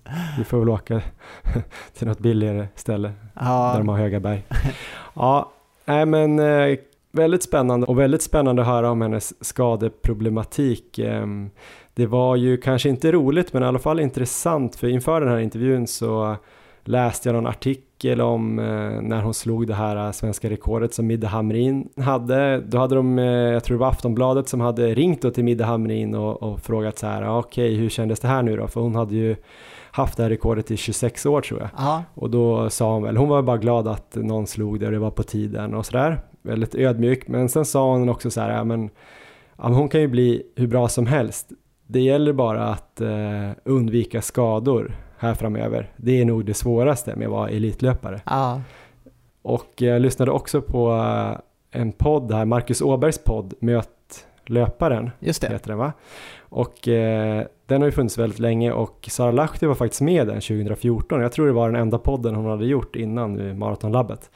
Och där pratar de ju också jättemycket om just det här med skador och att man måste undvika dem och ligga på rätt sida av gränsen och sådär. Och hon låter ju väldigt klok där, då är hon ju kanske då 19 år och har ja. slagit igenom kanske inom löpar-Sverige så, men hon har inte fått sitt stora genombrott. Men då säger hon ju det, så här, men vi tränar på, lägger på mer och mer så här, men eh, det gäller ju att undvika skador, det är det som är nyckeln så här. Och sen har hon åkt på alla de här skadorna, vad vill jag säga med det då? Jag vill inte strö salt i, i såren, men jag vill bara återigen poängtera att det är så himla svårt att veta själv när man ska gå över gränsen och när man går över gränsen. Är, man kanske måste göra några sådana här, ha några sådana skadevänder innan man lär sig. Vad tror du? Ja, men jag, jag gillar ju framförallt den här strategin som de hade nu senast när hon kom tillbaka från den skadan eller från den operationen då när de liksom släppte Precis. den här stenhårda alternativträningen och lät kroppen verkligen liksom återhämta sig i lugn och ro. Eh, hon beskriver lite som att hon kanske inte hade något val där, för de sa att äh, men, går du på för hårt nu igen så kanske du inte kommer kunna springa mer. Men jag tror det är rätt upplägg för många. Jag menar, det fungerade ju uppenbart bra här för Sara och vi kan ju också se att det är möjligt att komma tillbaka snabbt och i liksom god form efter en sån lugnare period. För det är väl säkert något som jag tror många går och oroar sig för när de är skadade, att jag kommer tappa formen, jag kommer liksom vara värdelös sen, jag kommer inte kunna komma tillbaka. Ehm, men det visar ju Sara här att det liksom är ju möjligt att komma tillbaka och vara bättre än någonsin, liksom riktigt mm. fort. Ehm, men så kan det vara en bra idé att eh, lägga in alternativ träning så som Sara gör här med, hon hade väl tre pass i veckan med crosstrainer. Så det mm. kan ju vara bra, kanske speciellt om man tidigare varit skadedrabbad, att man eh, tänker liksom ett steg, steg före där och eh, mm. kör den typen av alternativträning då. Det svåra är väl antagligen att lägga in det här innan man blir skadad första gångerna. Ja. Att jag, de flesta har ju gjort några sådana här vändor och sen känner de så här, nej men 14 mil funkar inte, kanske någon enstaka vecka på läger typ, när jag kan eh, äta och sova jättebra, men eh, man kanske inte kan ligga där hela tiden. Då kanske man kan gå ner som nu, hon sprang väl 11-12 mil plus då 2-3 cross-training pass. Men att vara då kanske som, säg att jag då är på 8-9 mil nu och tänker sig jag borde kunna gå upp till 10-11. Men det vet jag ju inte, jag kanske bara borde lägga in cross-training nu på ja. mina 8-9 mil. Man vet ju inte riktigt förrän man har testat men man vill ju inte dra på sig sådana allvarliga skador då. Man får hoppas att det blir någonting mindre. För tre stressfrakturer och en trasig hälsena med ruptur och Haglunds häl, det, önskar man ju ingen löpare. Nej, men det känns ju som att de, de har hittat rätt nu i alla fall. Jag gillar verkligen den här liksom, träningsfilosofin som de verkar ha nu. De pratar mycket om enkelhet och basic, inga mjölksyrapass. Um, så att jag, hon verkar ju uppenbart i kanonslag, liksom 3.14, mm. 3.15 uh, som man pratar om i tider där. Det är ju med marginal under 1.09 på halvmaraton till exempel.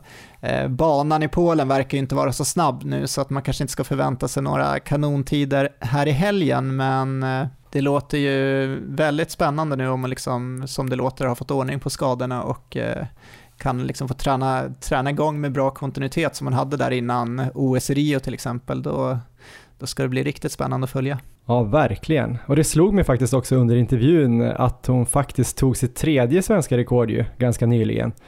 I ett lopp som måste säga en hel del om halvmaraformen. Hon eh, slog ju rekord i en timmes löpning där på samma tävling där Mo Farah slog världsrekord och Emil Milan de Oliva satte svenskt herrrekord. Just det. Jag, inte, jag har nästan glömt bort det, hon kom lite i skymundan där, men hon sprang ju 17 955 meter där på en timme och det är ju ganska exakt 3.20 fart. Så eh, det säger väl en del om halvmaraformen, eller hur?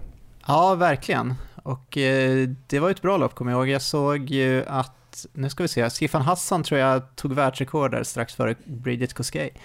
Och sen Sara lite bakom då. Så 3.20 fart på en timme på bana, då borde hon ju springa några sekunder långsammare per kilometer på, på asfalt och nu om på, den polska banan är, är hård så så kanske det blir ännu lite långsammare. Vi får se vilken form hon är i. Vi har ju en spännande trupp, eh, svensk trupp generellt. Jag vet inte om alla kommer till start, men på damsidan är det ju förutom Sara Lahti då Carolina Wikström, Charlotta Fogberg och Hanna Lindholm. Alla har ju personbästa under 1.12 och eh, både Lindholm och Wikström persade ju i helgen på 10 km landsväg och Fogberg vann ju 15 km på Lidingö, så det känns ju som att det är bra form på många av de här löparna.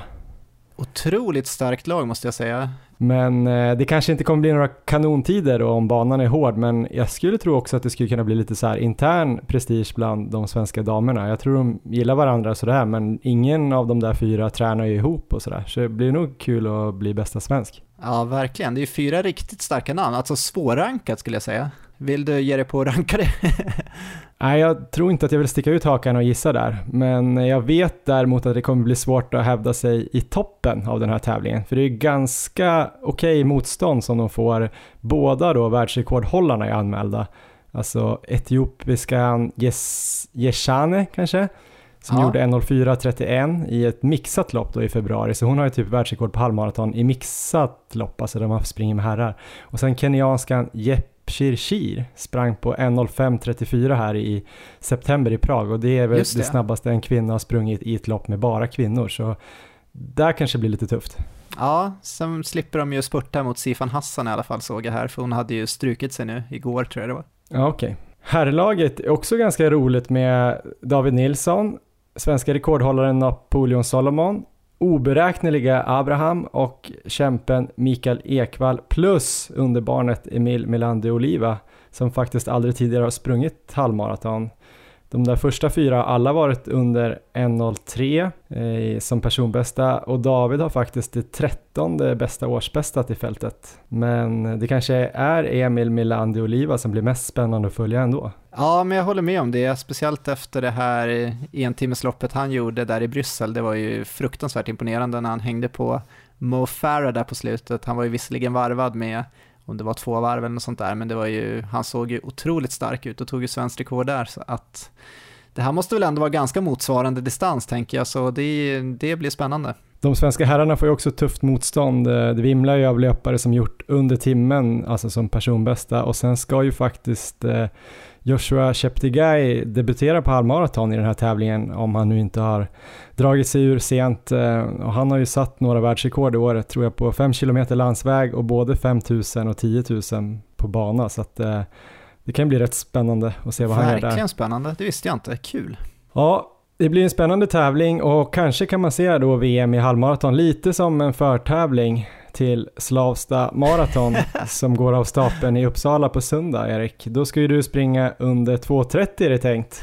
Ja. Nästan lika spännande va? Kanske mer? För mig är det nog nästan ännu mer spännande. Även om jag ser fram emot eh, lördagsloppet också. Hur eh, ser det ut nu då? Vi spelar in den här delen nu, då är det torsdag så det är faktiskt bara tre dagar kvar och du har ju gjort ditt eh, sista lite hårdare pass. Jag tror du gjorde det igår. Hur kändes det? Eh, Gårdagspasset eh, svårbedömt skulle jag säga. Jag körde alltså 5 km lugnt och sen så körde jag 5 km i marafart och då var jag borta på, på tävlingsbanan och körde och sen så joggade jag hem 5 km och om man tar den där fartdelen då så det var ganska blåsigt så det var väldigt svårbedömt. Jag började väl med 2 km på 3.28 och 3.30 och sen så var jag uppe på 3.37 och 3.41 på kilometer 3 och 4 och avslutade väl med på 3.29 igen. Eh, pulsen var väl uppe på 162 vilket är okej. Okay. Känslan var, alltså det känns som att det är en ganska snabb fart men eh, ja, alltså det är bara svårbedömt. Jag kan inte säga att det kändes superbra men inte superdåligt heller. Hur ser liksom upplägget nu ut då fram till söndag? Eh, nu är det bara lugna pass. Idag blir det 10 kilometer och sen så imorgon fre eller, ja, fredag då blir det 10 kilometer med lite stegringslopp och sen så lördag ger jag mig ut på en 5 km, 6 km bara lugnt och sen så så är det lopp på söndag då, så det är ju bara att eh, hoppas här att eh, formen liksom kommer nu sista dagarna, för det har gått, eh, jag måste säga att det har gått ganska tungt sista två veckorna tycker jag. Men jag kanske ska säga det i alla fall att eh, jag känner mig väldigt nöjd att vara i den här situationen som jag är just nu i alla fall, oavsett egentligen hur det går på söndag. För om man eh, blickar tillbaka till när vi liksom satte våra mål där i januari, då hade jag ju som snabbast gjort 2.46, så det här kändes ju som ett eh, minst sagt smalt mål med under 2.30. Och nu känns det ändå som att eh, det kan vara möjligt. Eh, jag, vet, jag ska inte säga att jag tror att jag kommer göra det, men det, det, känns som att det finns en liten möjlighet i alla fall och det är ju jäkligt roligt. Och hur ser du upplägget framför dig, eller taktiken? Och hur, hur ska det här loppet gå för att du ska kunna fixa det? Ja, om vi tar eh, banan då så är det ju tio varv på den här MLM-banan som eh, du kommer springa på sen också med flera. Så det är en platt och snabb bana utan kurvor. Och eh, startfältet, det var ju därefter jag hade nämnt i podden att jag skulle försöka göra sub 2.30 i Uppsala, så var det ju väldigt många som hörde av sig till mig. Så att jag har ju hjälpt till där att fylla upp det här startfältet, det är nästan halva startfältet. Ehm, och det är väl en så här 15-20 stycken som har mål att göra sub 2.30, så vi kommer ju ha en väldigt stor klunga där förhoppningsvis. Det kommer ju vara Kristoffer Hiding och Hannes Bjärnhagen, ett stort gäng från Skåne och några duktiga Uppsala-löpare och sen så eh, några till också. Och sen så var det ju planen att eh, som Hara då så skulle det vara dina snabba klubbkamrater här från Fredrikshov, Kristoffer Lås och Viktor Smångs. Nu läste jag igår här att eh, låset hade lämnat återbud tyvärr. Så det, så det, var lite synd, men eh, vi får väl hjälpas åt där helt enkelt. Och då blir ju taktiken att, eh, ja, det är väl bara att hänga på den här klungan tänker jag, så länge det håller. Det känns ju, även om det någonstans kanske mer känns som att 2.32, 2.33 är ungefär vad jag borde vara god för just nu så eh, det känns bara dumt att lägga sig i någon sån fart nu när det här upplägget liksom finns med den här stora klungan. Så jag gör som du gjorde här senast Johan, jag kommer tejpa över klockan och sen så kommer jag bara försöka fokusera på att flyta med liksom så avslappnat som möjligt och så länge som möjligt. Men finns det någon risk att alla andra vet att eh, 2.30 är jätteviktigt för dig och lägger sig bakom i din rygg istället? Eller har vi någon hare nu då? Ska Viktor fortfarande köra i början? Han är inte ja. oprövat kort som hare. Han har aldrig sprungit maraton heller. Han är så snabb också så, nej men eh, Viktor ska ju vara hare som jag har förstått det så att eh, vi får sätta vårt hopp till honom. Sen så är det väl möjligt kanske att vi får in någon till där. Eh, jag vet att Tom Stevens till exempel ska springa. Han är ju god för snabbare tider men han kanske, han har pratat lite tidigare om att han kanske hänger på i 2.30-klungan. Eh, så det vore ju fantastiskt om han kunde ligga där fram också. Han var ju med och harade på senaste maran jag sprang.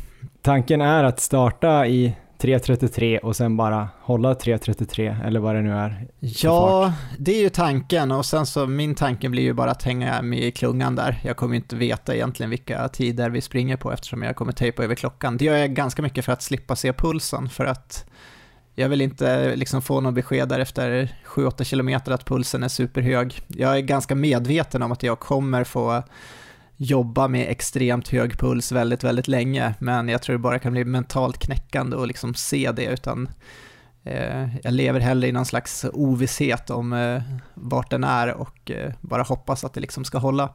Så får jag väl göra som dig kanske och rycka, rycka tejpen där med någon, några kilometer kvar. Ja, men då får du tejpa lite smartare, för det gick ju inte för mig att få bort den där tejpen, så du får väl uh, ha en liten, uh, en liten kant där som är lös eller någonting. Det är ett tips då. Precis, men uh, självförtroendet är inte helt på topp nu på slutet. Då. Jag hade bland annat det här passet när jag skulle köra 5 gånger 5 km i marafart som jag hade jobbat upp emot. Det låg ju två veckor innan maran. Ehm, då tog jag mig bara 3 gånger 5 km.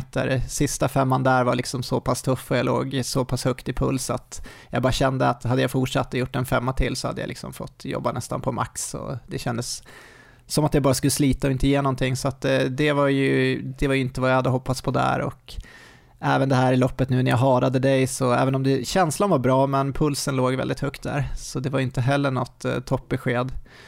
Ehm, så mm, ja, det måste hända någonting känner jag nu i sista veckan om det ska vara möjligt. Men du som gillar det här med mental träning och eh, inser vikten av eh, effekten det kan ge och tänka positivt. Nu låter det ändå lite som att du raddar upp här lite saker som skulle kunna betyda att du inte är i toppform. Tror du att det här bara, den här uppräkningen kan göra att du eh, blir lite sämre på söndag? Eh, ja, det är möjligt att det kan det. Alltså, nu är jag bara, jag är bara ärlig hur jag känner. Det, jag önskar att jag var liksom full av självförtroende och lite som du har varit inför dina lopp här på slutet. eh, men eh, det är inte riktigt så jag känner, tyvärr.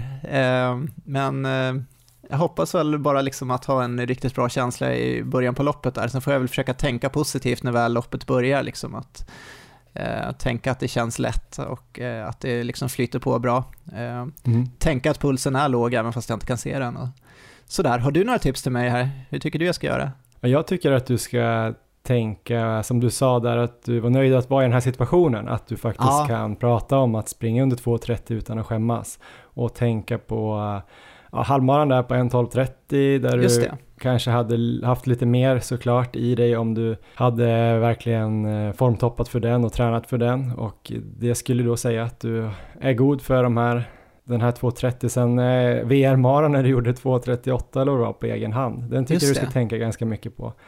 Eh, och sen eh, försöka få in en eh, bild i huvudet av att du är lätt och att du tycker det är kul att springa, att du håller på med det här främst för att det är roligt på något sätt. Och eh, ja, det kommer bli PB och allt bättre än det är ju en bonus. Ja, ja men det, det låter bra. Sen så är jag, jag är helt inställd på att det här är ju som det sista stora målet i år, så att jag är inställd på att eh, jag kommer få plåga mig så mycket det bara går på slutet. Jag vet ju att det inte kommer bli någon sån här lätt resa och någon det kommer inte bli någon vacker målgång om man säger så, om jag nu ska ta mig under 2.30. Jag kommer inte springa in med ett leende på läpparna utan det kommer ju vara en grotesk grimas, skrikandes, kanske örfila mig själv och så vidare. Men jag är helt inställd på att liksom hamna i den situationen så att det är Ja, jag ska, göra, jag ska göra allt jag kan i alla fall. Får se hur, länge det räcker, eller hur långt det räcker. Hur ser energiplanen ut? Jag kommer att eh, ta fem gels under loppet och sen så kommer jag dricka vatten. Det är det jag har kört på senaste maran och det tycker jag funkade bra. Det jag funderar på är lite när jag ska börja ta gel. Inför förra maran så tog jag en innan och sen så tog jag väl ungefär kanske den första vid 7 km eller någonting. Jag är lite inne på att kanske eh, börja lite senare den här gången, någonstans runt eh, 11-12 km och sen så ta regelbundet därefter. Um, så det kanske blir mer åt det upplägget, det är lite så jag har tränat på också under, under mina långpass, det känns ganska bra. Att dricka vatten bara, jag har ju jag har provat med sportdryck några gånger på träning men det känns jäkligt jobbigt att få i sig det så att jag, jag har inte riktigt eh, kommit till det stadiet att jag fixar det än. Det är väl något så här framtida mål jag har ändå att även kunna börja dricka sportdryck. Det är ett kul, smalt mål. Eller hur? Så, eh, så ser det ut. Men eh, nu till en viktig del tycker jag här inför söndag. Det har ju kommit in ganska mycket önskemål måste jag säga. Dels från mig, dels från Kristoffer Hiding och dels lite andra personer eh, på Instagram som har undrat hur den här stora idrottsdagen ska dokumenteras. Det har kommit önskemål om livesändning på Instagram eller kanske sådana här stories. Ehm, och det vore ju fantastiskt om det här kunde bli av Johan. Vad ska du göra på söndag klockan 10? Kommer du befinna dig i Uppsala? Nej, men jag väl, eh, ligger i förhandlingar här Ja. hemma om att vi ska komma förbi där. Jag tror kanske att vi åker ut till eh, vårt torp där i, i västra Uppland och då kanske stanna till här i Slavsta på vägen hem på söndag. Att vi åker lite tidigare och så eh, kanske vi filmar lite därifrån. Vi får se, jag vill inte utlova någon eh, stor mästersändning. Det har varit ganska mycket bra sändningar här i, under, från lopp här under sommaren tycker jag. Så att eh, vi får väl se vad jag kan eh, få till. Men någonting Instagram-vänligt så kan jag väl nästan utlova ändå. Jag funderar Ja. faktiskt också lite på att springa något varv i början. Om det inte är så att det är alldeles för mycket folk där och att det blir corona-regelvidrigt. Eh, Det skulle vara kul att prova på den här banan så jag kanske filmar lite innan och sen kanske jag springer två, tre varv och ehm, sen eh, börja sända. För jag tänker de första 12 kilometerna kommer ändå vara, då kommer det bara gå lugnt och fint antar jag. Ja, vi får se hur lugnt och fint det kommer kännas. Men det finns ju en plats på banan där vi passerar 20 gånger faktiskt, så det kan ju vara ett bra ställe. Men det här låter ju kul. Roligt. Mm. Men en sista grej då innan vi avslutar idag. Du ska springa i Vaporfly då, tänker du? Ja, jag har faktiskt inte bestämt än, men det lutar åt det. Jag skulle säga att det är, vad ska vi säga, 80-20 att jag springer i Vaporfly nu.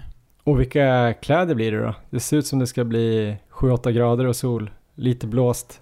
Ja, i morse när jag kollade då var det faktiskt nere på två grader. Ehm, 3-4 sekundmeter och sol. Så det blir väl, eh, jag tror det blir samma som jag har kört på en del lopp i Frankfurt och eh, senast i Uppsala så blir det någon slags sån här underställströja och eh, linne helt enkelt. Shorts är väl givet. Mm. Jag hoppas att det blir Say Sky i alla fall, så mycket som möjligt. Jag vet Ja. inte hur mycket varma kläder du har från dem. Det är alltså det här danska löparklädesmärket som vi har samarbetat med under året och har sprungit med deras kläder egentligen hela säsongen. Eh, det som är kul nu också är ju att eh, de har en ny sån här eh, rabattkod som de vill ge ut till våra lyssnare. Och det är 15% rabatt på Sayskys hemsida då, saysky.dk. Koden är maratonlabbet fall 20, alltså höst 20 fast på engelska. Det gäller här mellan 17 och 27 oktober, alltså lördag imorgon då när det här släpps och så 10 dagar framåt. Det gäller ej på nedsatta varor. Men eh, då kan man ju köpa grejer där och klä sig lika snyggt som Erik då, den blivande sub 230-löparen. Underbart. Och jag ska faktiskt iväg då senare idag och hämta ett paket med lite nya varmare kläder här inför eh, vintern. En jacka, tights, en långärmad merinotröja som jag hoppas mycket på. Vantar faktiskt. Och så en ny keps. Den är tyvärr inte fodrad då, men jag är ganska varm om huvudet när jag springer. Så nej, men vi kan rekommendera Saysky. Och Verkligen. det stavas alltså då S-A-Y-S-K-Y. Så Say Sky, Say himmel.